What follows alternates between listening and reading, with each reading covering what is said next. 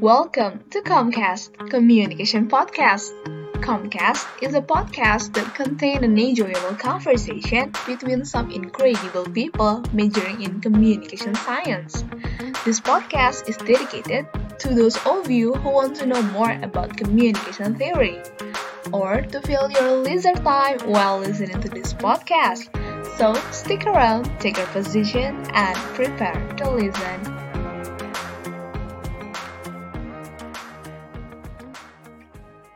Hello Komunikan, welcome to Comcast with me Kino dan juga ada teman aku. Hai, aku Selfie. Halo Selfie, apa kabar nih? Baik, Alhamdulillah. Kino apa kabar? Baik dong. Nah, kini saatnya aku buat buka topik super duper menarik buat diskusi kali ini, yaitu tentang biopsychological theory. Kamu pernah dengar gak sih tentang teori ini sebelumnya? Tahu dong pastinya. Nah kalau dilihat dari namanya, ini pasti ada kaitannya sama psikologi nih kayaknya. Exactly. Jadi teori biopsikologi ini emang erat banget kaitannya sama ilmu psikologi. Teori ini tuh fokus ke faktor biologi apa aja sih yang bisa mempengaruhi seorang komunikator dalam melakukan sesuatu. Kalau yang aku lihat di bukunya Pinel, istilah biopsikologi dipakai karena bidang ini tuh menunjukkan pendekatan biologis pada studi tentang psikologi. That's why psikologi bakal jadi tumbuhan dalam pembahasan kita kali ini. Nah, kalau awal kemunculan biopsikologi ini tuh diawali dari penerbitan buku yang berjudul The Organization of Behavior pada tahun 1949 oleh D. O'Heb yang ngembangin teori komprehensif pertama loh tentang gimana sih kemungkinan fenomena kompleks kayak persepsi, emosi, pikiran, dan juga ingatan diproduksi sama aktivitas otak kita. Jadi gitu deh kemunculannya. Nah, bener tuh. Juga setauku di dalam biopsikologi ini tuh ada yang namanya teori, ya kan? Iya, bener banget. Nah, dalam teori biopsikologi ini ada yang namanya trait teori dan juga embodiment. Trait teori ini punya asumsi kalau as ada aspek tertentu dari perilaku manusia yang konsisten di segala kondisi dan juga situasinya. Ada lima model tentang sifat individu yang menurut Dickman disebut dengan the big five.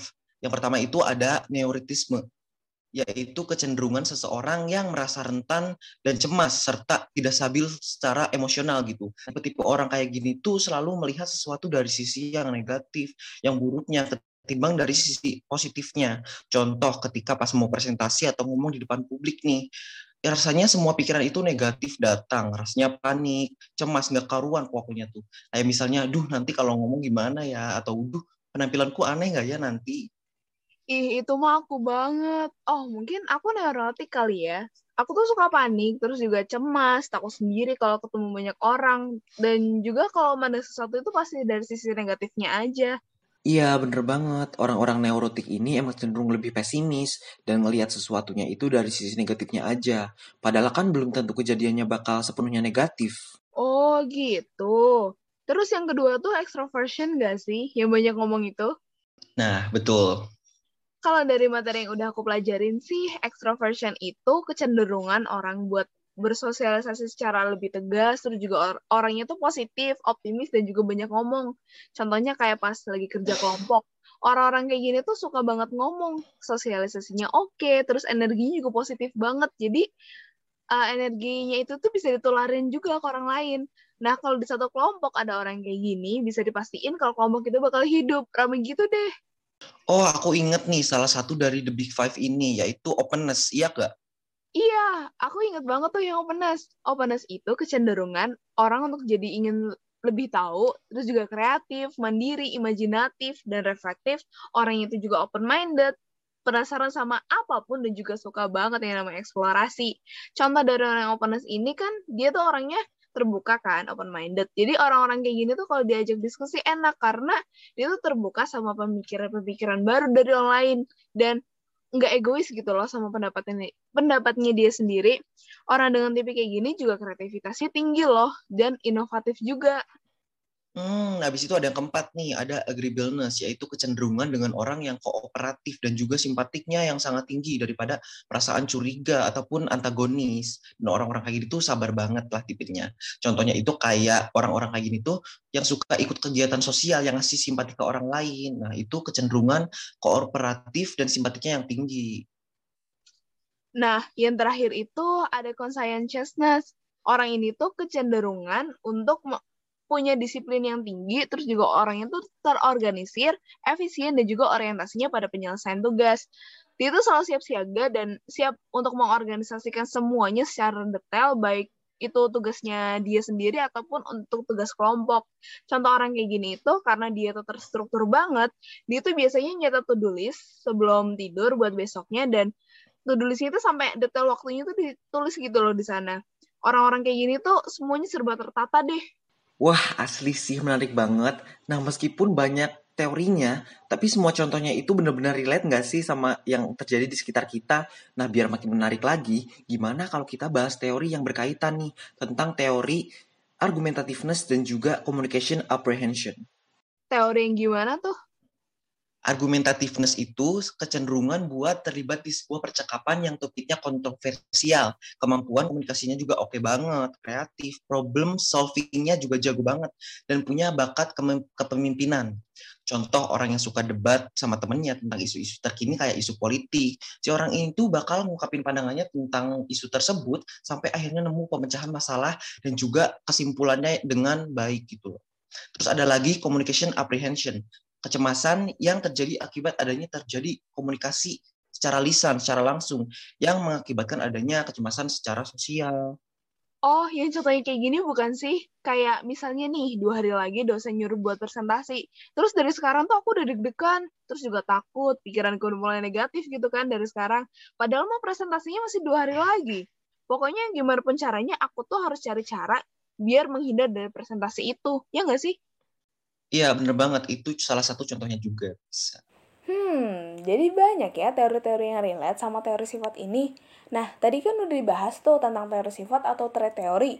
Ternyata masih ada satu lagi, namanya embodiment atau teori perwujudan. Kalau embodiment ini lebih nganggep ke arah tubuh tuh sebagai pusatnya komunikasi. Contohnya, aku lagi ngomong jarak jauh nih sama kamu. Aku tuh fokusnya ke arah mulut kamu, karena aku tuh mau tahu kamu tuh lagi ngomong apa. Jadi, bagian tubuh itu kan sebagai pusat komunikasi kan di situ. Di embodiment ternyata ada dua teori lagi, namanya komunibiologi sama komunikologi. Oh, si komunibiologi sama komunikologi itu apaan sih? Emang ada bedanya ya? Ada dong, komunibiologi itu ditemuin sama Michael Beatty dan juga James McCloskey. Teori ini tuh mandang kalau komunikasi sebagai fenomena biologis. Apa aja yang kita alami di dunia ini tergantung dari gimana sih cara pikir kita terhadap sesuatu misalnya aku berpikir positif ah ke depannya aku bakal uh, positif banget nih gitu kan nah kenyataannya juga bakal ikutan juga jadi positif gitu juga sebaliknya Nah, iya sih. Terus kalau yang kedua itu kan komunikologi ya, yang ditemuin sama Isaac Cat. Iya, yang iya itu. Yang aku tahu nih, jadi kalau teori itu bilang kalau nggak ada nih komunikasi tanpa adanya bahasa tubuh yang hidup. Maksudnya adalah tubuh kita jadi tempat mediasi ekspresif dan juga perspektif antara orang yang kita ajak bicara.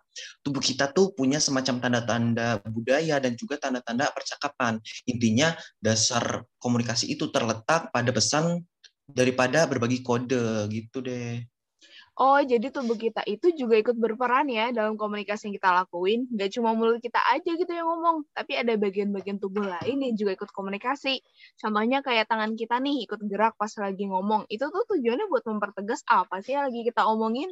Atau juga bisa jadi bahasa isyarat yang dipakai sama beberapa orang tertentu. Itu juga bagian dari komunikasi. Mantap, seru banget. Bener banget, Selfie. Nah, kita udah banyak banget nih bahas tentang biopsikologi teori ini. Mulai dari kemunculannya sampai ke seluk-beluk teori ini gimana sih? Aduh, sedih banget ya udah ada di penghujung podcast nih kita ternyata.